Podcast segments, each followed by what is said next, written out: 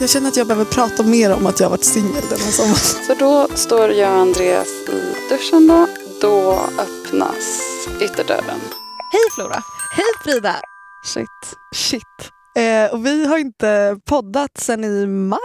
Nej, det är så någonting. himla länge sedan. Eh, och, och tiden har gått och nu sitter vi här. Vi tvingade precis ut ljudkillen härifrån. Det var som ett så här, efter ett dåligt ligg och man bara, du det är nog dags för dig att gå nu. Ja, väldigt tydligt. Han fick ingen frukost. Varför finns det då en ljudkille här, Flora? För, åh gud. För att vi har bytt eh, plattform kan man säga. Vi finns nu hos Radio Play som är en app eh, där man kan lyssna på poddar. Mm. Och eh, då sitter vi helt plötsligt i en jättetjusig studio, får kaffe och kommer få passerkort. Och, Hela faderullen. mm. Nu jävlar hörni. Det är ju så att, eller inte bara byta plattform, utan vi har på något sätt fått en plattform. För när vi började podda, då var det väldigt så här do it yourself. Så nu behöver vi bara komma hit, sätta på oss de här sport, sportkommentators-headsetet, dricka lite kaffe, prata med dig och sen kan vi gå. Och sen kan någon annan klippa och polera den här bajskorven som kommer ut. Och det innebär för dig som lyssnar att det kommer vara mer frekventa poddavsnitt. Eh, och vi ska väl på något sätt inleda denna ljuva lilla podd med att presentera oss själva. Så om du inte har varit med på tåget, välkommen ombord. Den här podden heter Flora och Frida. Och nu ska Flora berätta om hur mycket hon tycker om mig. Skojar. Så här då. Eh, Vi, vi tänkte att vi skulle presentera varandra lite grann. Och jag, Flora, ska börja med att presentera min vackra vän och eh, strålande vän Frida. Du sa Roligt- vän två gånger. Ja, men jag sa också vackra. Det första jag sa var vacker och det är för att jag har tänkt på dig hela morgonen. Och du ska vara författare. Herregud. Kom ändå inte på några bra synonymer. Nej, okej. Eh, jag vill säga så här. Frida, hur gammal är du nu igen? Jag är 22. 22, just det. Eh, 94. Det är jag med. Eh, Frida Vega Salomonsson, 22 eh, vårar. Född i januari, vintrar. Ja, vintrar. Bor i Vasastan i Stockholm och jobbar som fotograf. Och har även, är även en sån här internetperson som hänger på sin blogg och eh, Instagram och så vidare. Mm. Det jag vill säga om Frida är följande. Frida är den, den coolare av oss. Frida är den som är lite syrligare, lite hårdare, lite om Frida inte gillar någonting så ser man det. Jag är lite mer så här artigt snäll och står och ler och dumt. Medan Frida står med armarna i kors och bara, mm, vi får se. Eh, det är roligt. Eh, du är väldigt rolig. Det är någonting som jag ofta återkommer med dig. Men du är syrligt rolig och har mycket så här lines som du bara kommer med eh, när man minst anar det. Du är jävligt bra på att mingla. Wow, vad jag inte håller med. Och förutom att du är extremt babyig, alltså du är verkligen här babe-faktor, så är du också en em, väldigt behaglig person att hänga med. Mm, det var väl ungefär så. Tack Flora för de varma orden. Eh, bredvid mig har jag då Flora Wiström, eh, en av Metro Modes största bloggare, författare. Precis gett ut boken Stanna, som nu är ute i butik. Det är bara att gå in i en bokhandel och plocka den. Eh, Stjäl den. Ja, fast, fast vi har faktiskt skrivit, vi har skrivit kontrakt för den här podden och där står det att vi inte får uppmana till brott. Stjäl den inte. Skäll den inte. Flora är ändå så en av de eh, härligaste personerna jag vet. Du är väldigt bubblig och så här fnittrig och typ härlig. Och sen samtidigt är du så himla bestämd också. Jag kommer Mm. ihåg bara som exempel så det var en, en kille som ville göra ett projekt med oss och då höll jag det väldigt artigt sådär och så skulle Flora skriva ett mejl till honom. De skulle säga att nej men tyvärr vi vill inte göra det. Då virade du ju inte in i så mycket bomull. Då Nej. var det bara så här, nej men vi vill inte. Och jag tror att när det handlar kanske om, alltså inte så businessgrejer, men så, din karriär och saker du ska göra, du är ju ändå väldigt bestämd och kan vara väldigt hård och typ ryta ifrån. Mm. Också.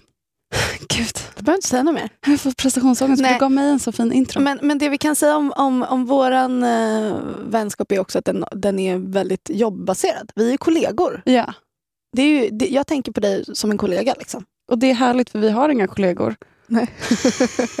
typ i saker man gör, så då tycker jag att det, det är härligt. Och eh, nu har vi då hållit på med den här podden ett tag och sitter här och en hel sommar har passerat och mycket har hänt. Flora, hur mycket har du knullat i sommar? För Flora är nybliven singel. Frida, jag har, fått, jag har fått ligga. När vi sa hej då till varandra, nu pratar jag till dig, poddlyssnare, så hade Flora ganska nyligen gjort slut med Felix. Mm. Jag hade ganska nyligen gjort slut med Matthew. Jag hade ganska nyligen börjat hångla upp en, en blond person. Och Flora var väldigt så här, nybliven singel and out and about. Och det var både jobbigt men, men spännande. Ja, när vi spelade in förra avsnittet då var det verkligen nytt i mitt breakup och det var mycket liksom sorgsenhet. Mm. Jag tror hela det avsnittet präglades av ganska mycket sorgsenhet. Och sen har det ju gått eh, snart fem månader sedan jag och Felix gjorde slut. Det är det första jag vill säga. För fem månader sedan hade inte jag någon aning om att jag skulle må så bra som jag gör idag. Och jag har mått bra för någon månad sedan också. Alltså jag menar att det är så jävla befriande att kunna tänka tillbaka på en period där man har varit så jävla ledsen, så nere i skiten och, och inse att man har tagit sig ur det. Och till alla er med brustna hjärtan där ute, ge det några månader så mår den bra igen. Och det här vet ju alla och alla har hört det, men det, är, alltså det här är empiriskt. Liksom. Jag vet, för jag har varit där. Jag ser dig som en väldigt, väldigt social person. Du umgås med väldigt mycket, du är väldigt nära många kompisar. Mm. Och det finns ju ingen som kompisdejtar, har så många kompisdejter på en dag som du. Och det känns som att du har eh, tagit det ett steg längre i sommar som kanske en, en strategi för att må bra. Att omge dig väldigt mycket av eh, framförallt tjejkompisar. Hur, vad tänker du om det? Det har varit så jävla häftigt att typ återupptäcka styrkan i en grupp tjejkompisar. För att även om jag alltid har umgåtts med mycket kompisar, även när jag var i ett förhållande, så blir det på ett annat sätt när man har många kvällar, ensamma kvällar att fylla. Liksom. Så att jag har haft det så jävla fint med mina vänner och jag tror att det som har varit också är att jag har inte lagt min, min så här sorg på en specifik person eller ett par specifika personer utan jag har så fått ett kollektivt stöd. Och det tycker jag typ är det finaste. Att så här, eh, med min bokklubb till exempel, då är vi typ sex, åtta personer. Och eh, det är inte så att jag är så här, ringer en specifik person och är så här, hej jag mår dåligt. Utan det, det är mer typ så här, ja men nu umgås vi allihopa och hittar på någonting. Och det gör ju att bördan inte känns så stor för dem.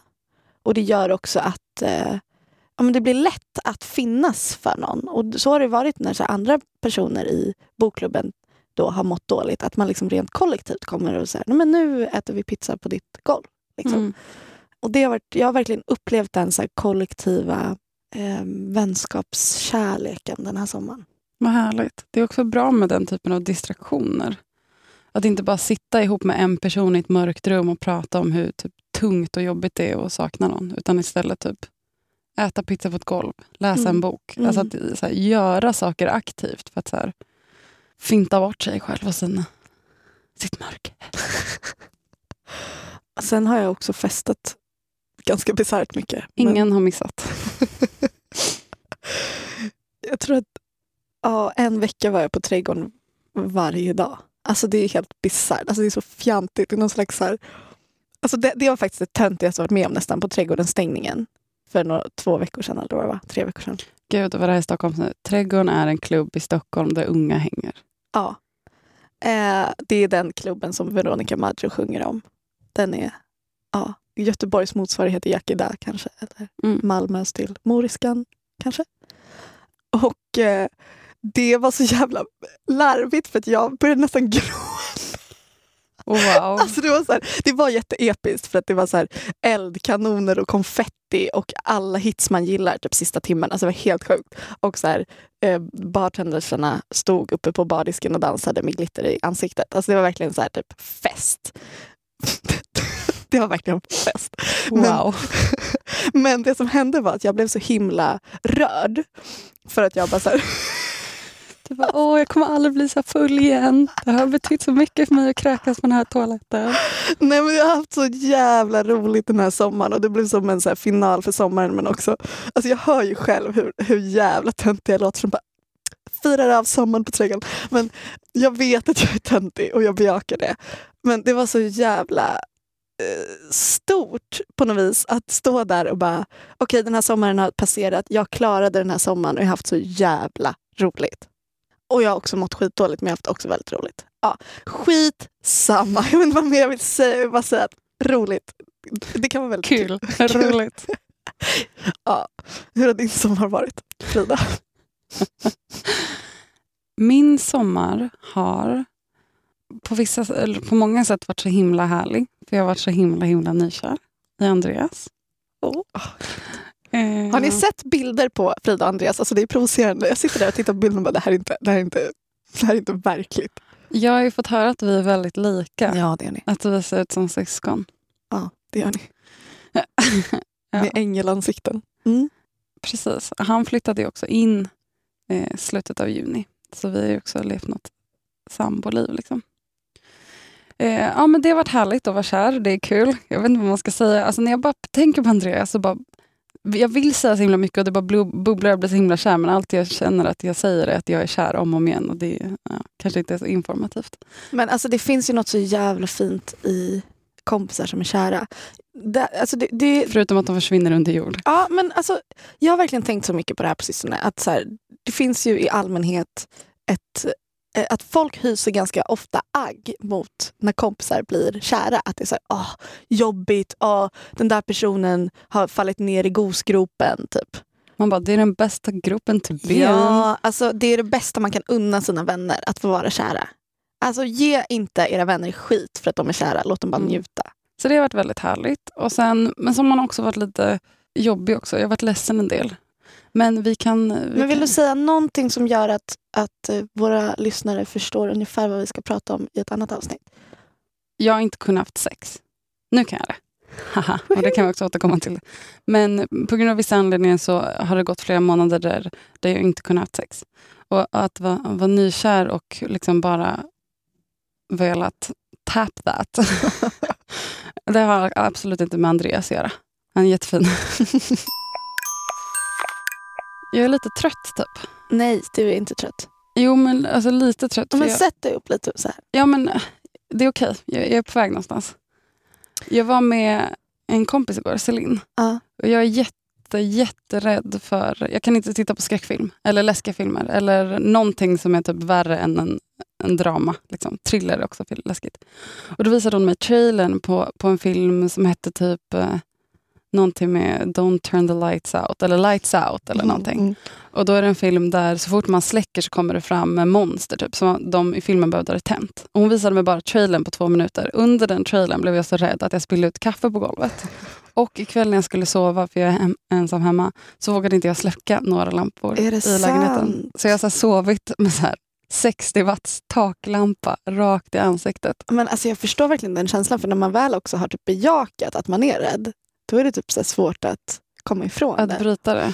Jag eh, tittade på It follows eh, förra hösten på bio ah, som handlar typ om så här, en könssjukdom typ, som man får. Men, men könssjukdomen är inte fysisk utan det som händer är att man börjar bli förföljd. Men den här är liksom över, överförd med, eh, via sex och så blir man förföljd. Och då är det en karaktär i den här filmen som är jättelång.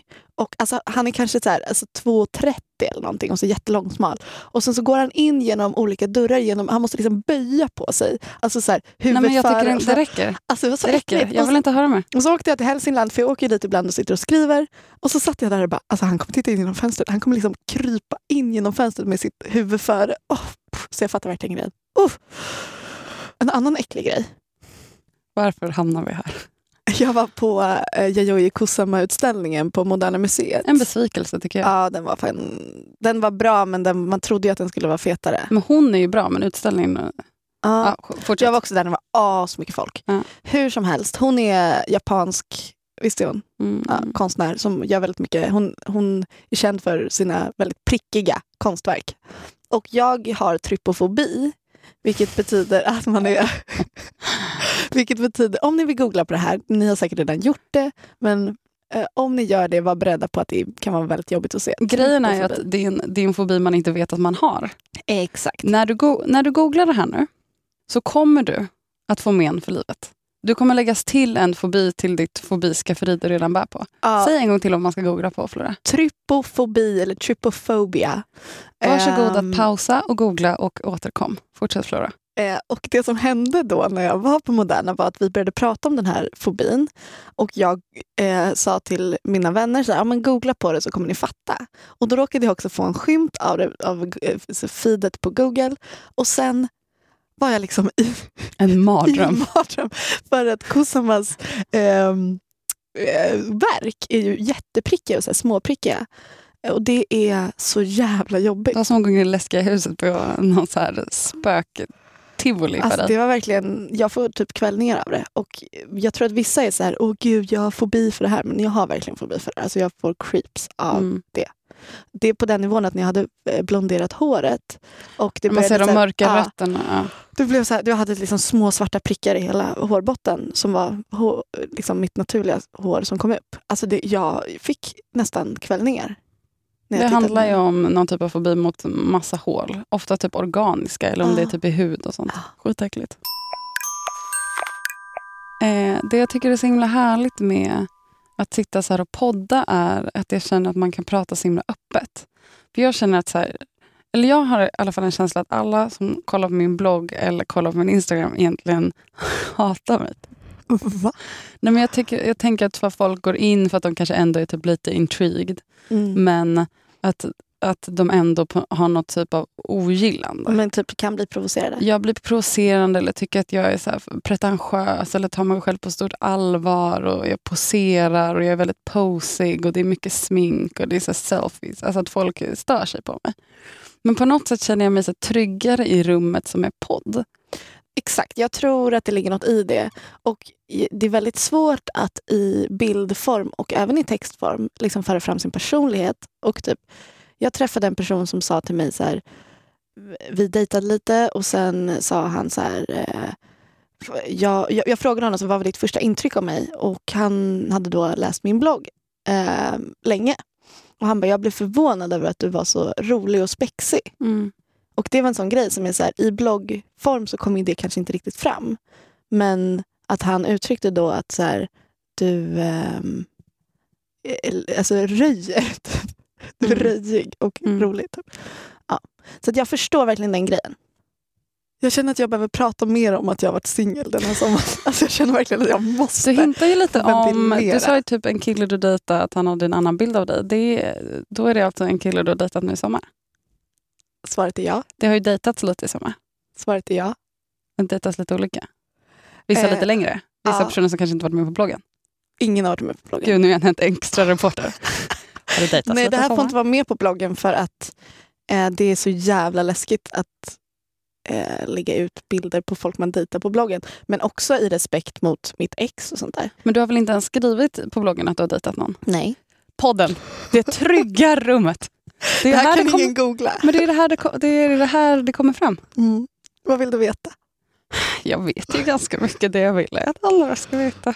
Men det, jag, det vill jag faktiskt säga också. Jag vill ta tillfället i akt att jag och Felix har ju en väldigt eh, bra relation. Det tog oss tre månader innan vi eh, började umgås och det var väldigt bra. Det kan jag verkligen rekommendera. Att så här, tre eh, månader låter som ganska kort tid. Fast det är också en evighet när man har bott tillsammans. Och det var, det, vi sågs inte och det, vi gick inte ens in i varandra på tre månader. Förutom en dag. Och det här var så jävla konstigt. Jag satt hemma hos Kajsa och käkade middag med några kompisar. Och jag satt och bara, det här är helt sjukt. Jag har inte gått in i Felix på tre månader.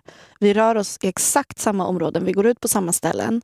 Vi hade visserligen haft ett system där man attendade på Facebook så att man såg om den andra skulle vara där. Och den som attendade först fick, fick gå i princip. Det var väldigt skönt. Så att vi, jag visste ju alltid så här, okej men, nej, men ikväll är han på Trädgården, då går inte jag dit. Eller ikväll är han på Celeste. Bla, bla, bla. delad vårdnad över Stockholms klubbar. Tar du den här helgen så tar jag nästa. Ja men faktiskt. Men just då hade det gått tre månader och jag var fett ledsen för att det är väldigt jobbigt att inte träffa en person som man har umgåtts med så intensivt och sen inte träffas. Liksom. Jag var, ja, tyckte det var jättejobbigt. Men jag var tvungen att respektera det och det var väl bra för min del också. Liksom, att få eh, bygga min egen plattform på nytt. Men det som hände var att vi satt eh, på tunnelbanan och sen så... Det är en ganska tom tunnelbanevagn. Och jag sitter med eh, tre kompisar och helt plötsligt, det här var alltså klockan 11 på kvällen eller någonting. Vi skulle till Celeste och dansa. Och sen så eh, rullar tunnelbanan in i Sandsborg och Felix kliver på i våran vagn. Eh, och det var nästan bara vi i vagnen. Och han ser inte mig.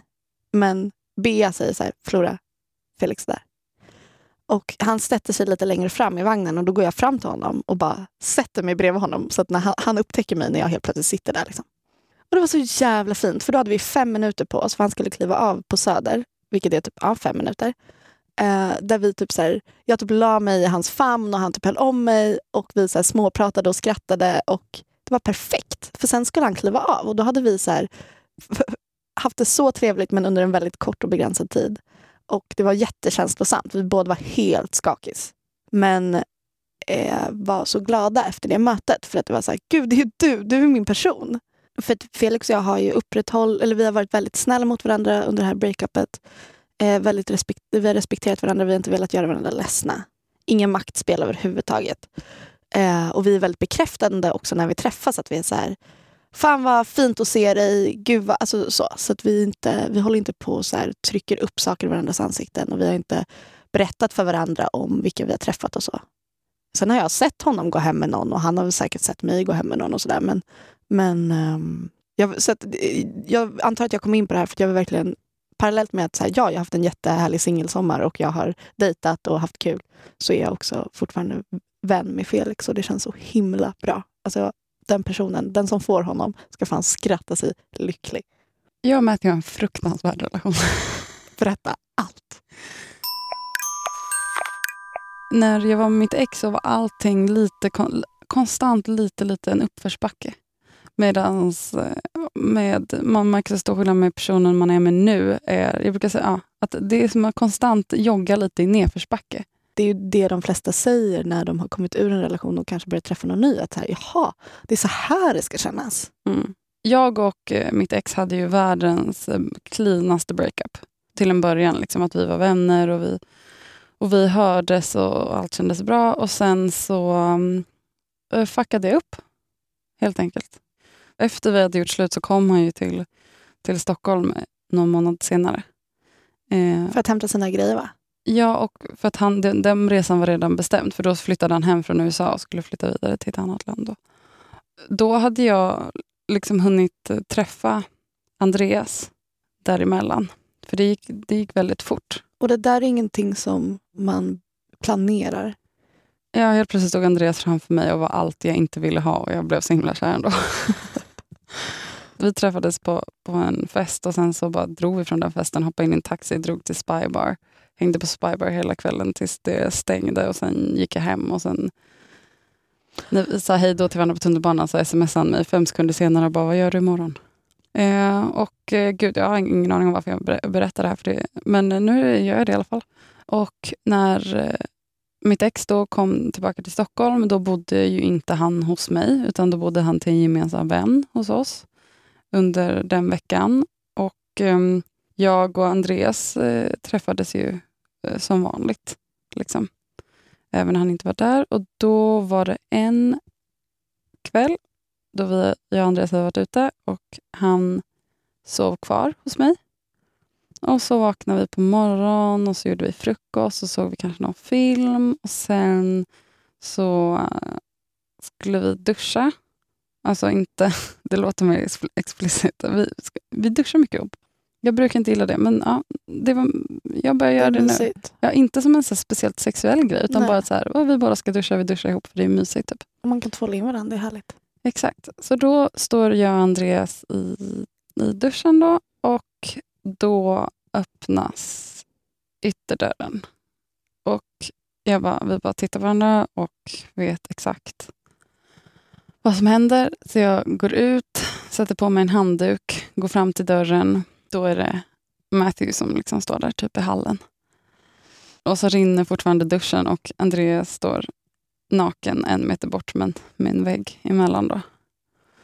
Matthew bara tittar på mig. Och det är för sent att börja typ så stänga av duschen och göra något så film som att försöka stoppa in Andreas i en garderob eller så här, hoppa ut genom fönstret eller så här, inte öppna.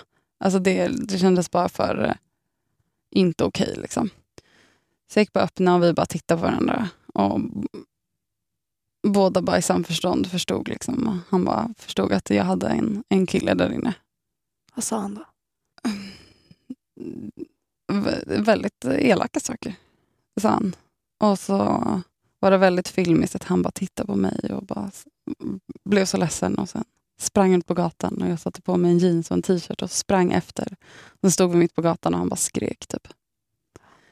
Åt mig. Och det, vi hade ju gjort slut men det var ju kort inpå. Och, um, hade jag kunnat spola tillbaka så hade den, eh, den morgonen inte eh, sett ut så som, som den gjorde. Och vi hade kanske haft en, en bättre relation idag. Liksom. Vi hade gjort slut och han har efteråt bett om ursäkt för de sakerna han, han skrek till mig där på gatan.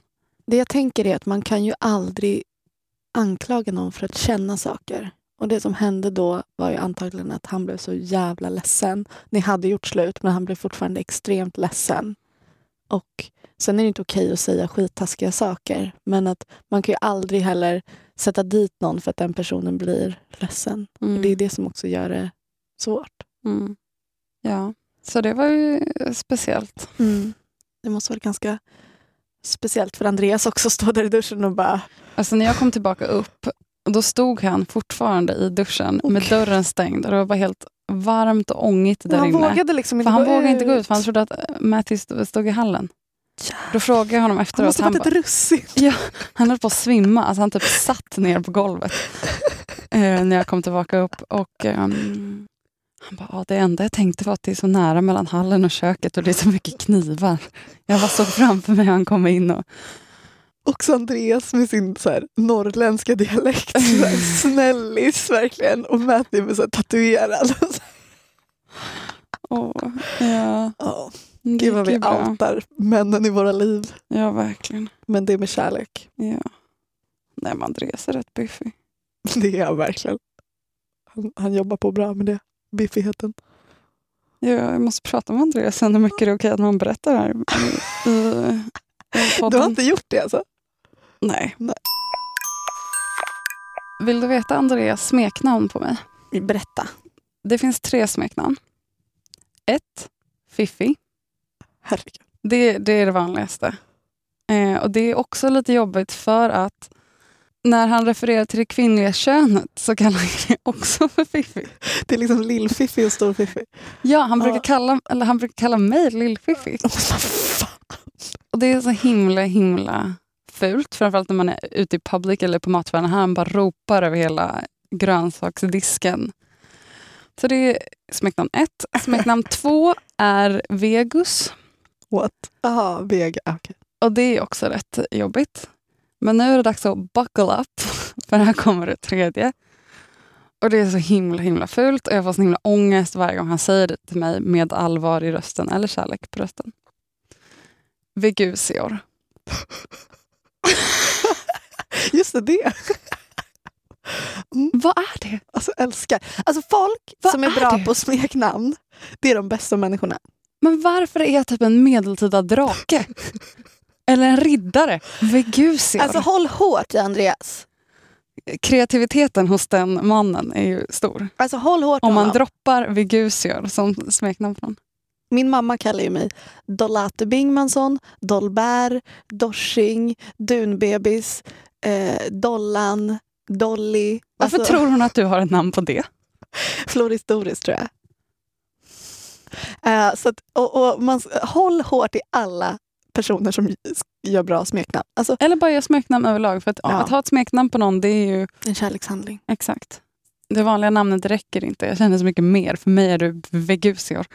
Men jag har träffat en person den här sommaren som jag måste Alltså jag måste använda hans namn varje gång jag pratar med honom för att det är så fint. Det är också en sån grej. Och han sa det någon Var det gång. hans bara. förnamn? Ja. Och vad heter han? Men tror jag kommer säga det? Men det är en eller? jättedålig historia. Nej, jag pratar om det här med kärlekshandlingar. Paniken som lyser i- Floras eh, ögon. Frida kör med utpressning. Och, säg det, säg det. Nej, men jag, jag, det jag menar är så här, kärleks, att det är, en, är väldigt intimt. Att, dels att använda ett smeknamn men också att tilltala någon vid namn mycket. Om jag säger så här, gud vad kul att se dig Frida. Så är ju det, då ser jag dig mer än om jag säger gud vad kul att se dig. Ja, men så känner jag också. Om jag verkligen vill att någon ska gå fram så tycker jag det är väldigt fint att bara, Andreas, jag Mm. älskar dig. Det blir Ja. så himla så här Men, rakt. ja, men alltså, i alla sammanhang tycker jag att det är så himla tacksamt att bara...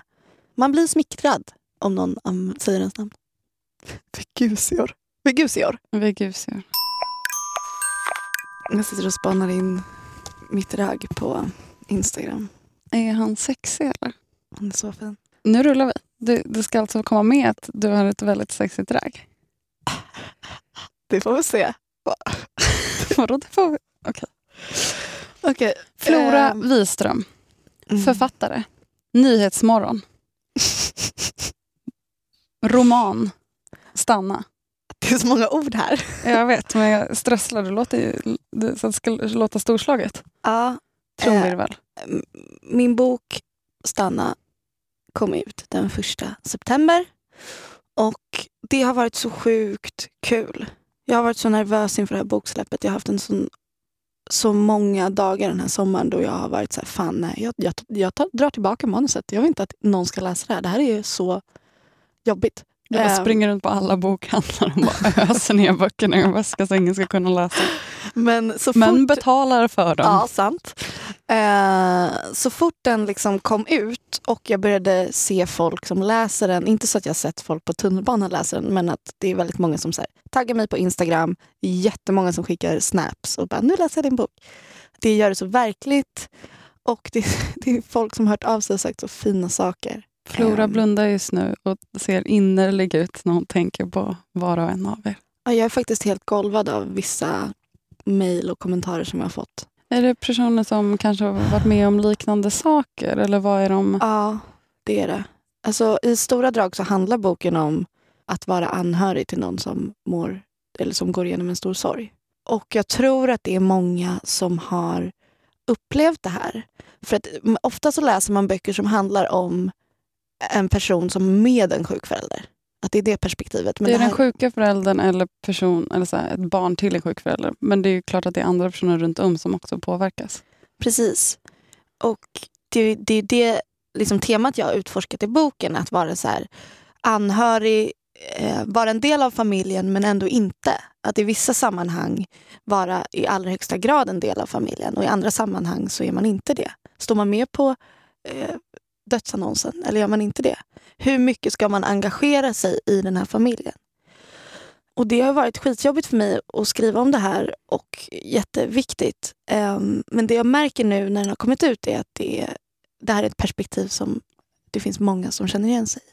Det är ju drömmen för en författare att ha läsare som relaterar och som kanske stärks av det man har skrivit.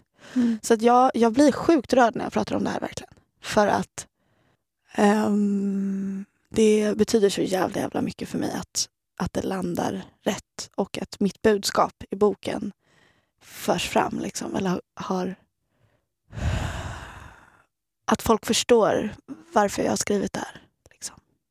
Även om jag, och det här har jag sagt också så här upprepade gånger i intervjuer och sånt, men att det jag har skrivit om det är inte om mig. Liksom. Jag har tagit en situation som jag har upplevt själv men gjort om eller äh, lagt till andra karaktärer och skapat en annan story. Men i och med att jag själv har sett den här sjukdomen ALS på nära håll och det är den sjukdomen jag har skrivit om i boken också så blir det väldigt, väldigt känslosamt. Vad är ALS nu igen? Det är en sjukdom som eh, gör att mm, den som är sjuk förlamas lite i taget. Det börjar med att kanske handen slutar funka eller blir svag.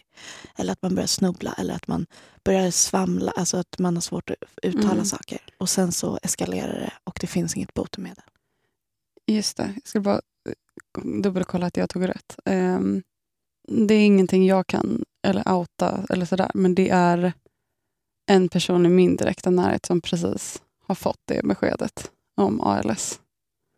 Så att jag eh, får tipsa också kanske mina syskon och sånt om att läsa den här boken. Det är inte någon av mina föräldrar eller syskon, men nära liksom. Eh, Vissa kan leva med den här sjukdomen jättelänge. Alltså Stephen Hawking är fortfarande, lever fortfarande med ALS. Gud vad han är ALS posterboy. Ja, det är han verkligen. På ett positivt sätt. Min kompis har varit assistent till en eh, kille eller en man som, hade ALS, eller som har haft ALS i 15 år. Men de flesta har det i ungefär ett och ett halvt till tre år. Och det som händer är att man blir förlamad ett steg i taget tills man eh, kom, kanske kommunicerar med blinkningar eller måste andas genom en respirator. Ja, suger. Det som händer är ju också att personen är fortfarande helt och hållet sig själv inuti. Liksom. Och det är det som man är så inlåst i sin egen kropp. Fruktansvärt. Fruktansvärt. Det är också så här, när man pratar om sådana här saker så är det så ofta man vill bara, men det blir bra, det blir bra. Mm. Men fan vad jag är trött på att höra att folk säger att det blir bra. Det är också så jävla skönt att bara, det här suger. Det suger så jävla hårt. Mm. Vi hade liksom som ett eh, familjemöte då där, där, där en person ur, ur familjen berättade om att en annan person ur familjen precis hade fått det här beskedet och att vi liksom samlades och, och fick veta om det. Liksom och, sådär. och då pratade jag om liksom, okay, vad kommer hända nu. Och, för man ser på film liksom, att när folk får, för att få ALS, det är ju, det är ju att få ett dödsbesked. Det är ju, man, man får ju några år till på sig. Vissa fler år än andra, men det är ju ändå absolut en, en för tidig död om man får det när man är, inte är supergammal. Liksom. Och då på film och sådär så är det folk som skriver liksom bucket list och de vill liksom resa till Indien och typ sånt där. Eh, men då fick jag, eller då, och då undrar vi liksom också hur, hur liksom vardagen skulle fortgå nu. Typ. Och då var liksom den här personen och den som var närmare dem var bara, nej men vi, vi vill leva så vanligt som möjligt. Vi vill att allt ska fungera så, så länge som möjligt och vara, känna så naturligt som, som möjligt. Liksom. Ja. Gud, det är så, ja, speciellt när vardagen vänds eh, upp och ner och man inte vet. Alltså det enda som jag eh, lärde, eller en viktig sak som jag lärde mig när den här personen som jag kände var sjuk eh, var att i och med att det här är ett sjukdomsförlopp som är en nedåtgående spiral liksom, så kan det kännas så extremt överväldigande att se framför sig den här personen som man känner som är i, i stunden är fortfarande har mycket kraft och är stark och ser, ser fortfarande likadan ut. Att den här personen senare kommer till exempel sitta i rullstol eller permobil. Och att, så här, att se framför sig det, alltså det är som en kniv i magen. Liksom. Men det man måste komma ihåg är att människan är en um, anpassningsbar varelse. Det som händer är att när någon insjuknar sakta, sakta, sakta så hinner man vänja sig. Man vänjer sig vid alla stegen. Och där, när personen i fråga har blivit sjuk så tror man inte att man ska göra det. Men man hinner vänja sig för att det händer i så små steg. Jag tror att det blir så rätt, lätt att så fastna i de här domedagstankarna om liksom det värsta som kommer hända på slutet. Men jag tror att det är viktigt som du säger att så här, nu sparkar jag in en så jävla öppen dörr. Men att ta varje dag som den kommer. typ. Ja, för det är det enda man kan göra. Mm. Jag skulle kunna prata om det så mycket. Det känns som att det här eh, vi kan komma tillbaka till det här senare mm. kanske. Och Jag kanske kan prata lite med personerna det, det gäller om, om hur mycket som är okej för mig att säga. Mm. För Jag känner mig inte bekväm med att prata så mycket med det nu när jag inte vet. Nej, det förstår jag. Men alltså, fy fan vad tråkigt att höra Frida. Mm. Det känns... Eh, vad fan ska man säga? Det låter så platt att säga att det känns tråkigt. Det känns mm, det är så jävla orättvist. Det är så jävla orättvist. Det är så jävla orättvist med man tar hela tiden för givet att man ska liksom vara frisk och att allt ska funka, funka som det ska. Och nu var, när vi pratar om mig och, och sexualitet, det, det är ju en jävla räkmacka jämfört uh. med, med att få ett sånt här besked. Men det, det är så viktigt att, att, komma ihåg. Var snäll också med personer i sin omgivning. När man sitter på en buss, man vet liksom inte vem som sitter bredvid och kanske liksom går igenom något så himla tungt. Eller personer runt sig i kompisgäng och sådär. Man kanske inte har, har koll på om vad dens vad, vad den personen går igenom i sin familj och vad de har för struggles. Liksom. Nej, alltså när den här personen var sjuk och sen dog. Jag har aldrig talat i så mycket klyschor som efter den tiden. Mm. För det var verkligen så. Alltså det enda som jag kände var så här, ta vara på... Eh, alltså det var liksom bara... Var, jag levde bara efter... Alltså, Carpe diem. Ja, men alltså, Mindfulness. Ibland krävs det där. Det är något som kommer och rör runt i grytan. det är sorgligt att det ska vara död som gör att man ska börja uppskatta sitt eget liv. Men, men jag kände verkligen det direkt att så här, jag och Andreas pratat om att vi vill åka någonstans men båda jobbar så himla mycket så vi hann liksom inte få någon semester i sommar. Och så tänkte vi så okay, men vi kanske ska boka något i vinter istället. Och då när jag kom från det här familjemötet, eller man ska säga, där vi hade pratat om, ja, eller med den här personen då som hade blivit sjuk. Att jag bara, fan gud vad jag Andreas måste boka den här semesterresan. Mm. Alltså, gud, nu kanske det lät platt, men jag menar bara att så här, saker man tänker på att man inte ska skjuta upp det så himla mycket. Verkligen. Jag vill bara säga innan vi lägger på, det känns som vi pratar i telefon, eh, att um, gud vad min mage kurrar. Hör du det? Ja, jag hörde. gud, undrar om det hörs inne mycket. Jag är så Hoppas. himla hungrig.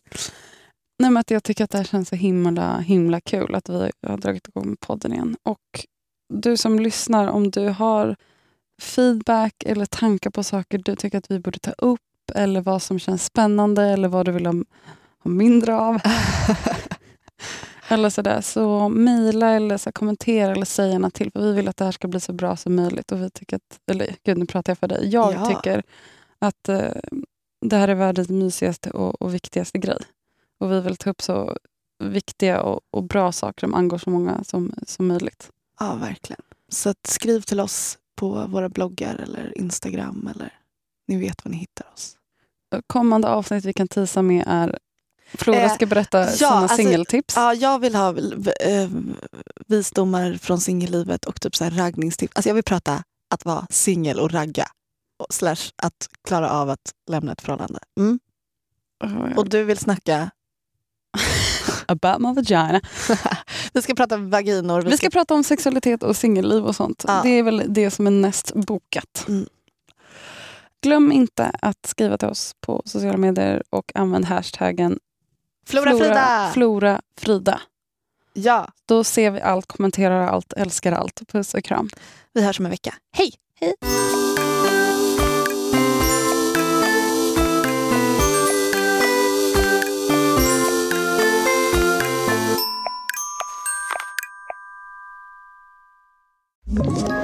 Ett poddtips från Podplay.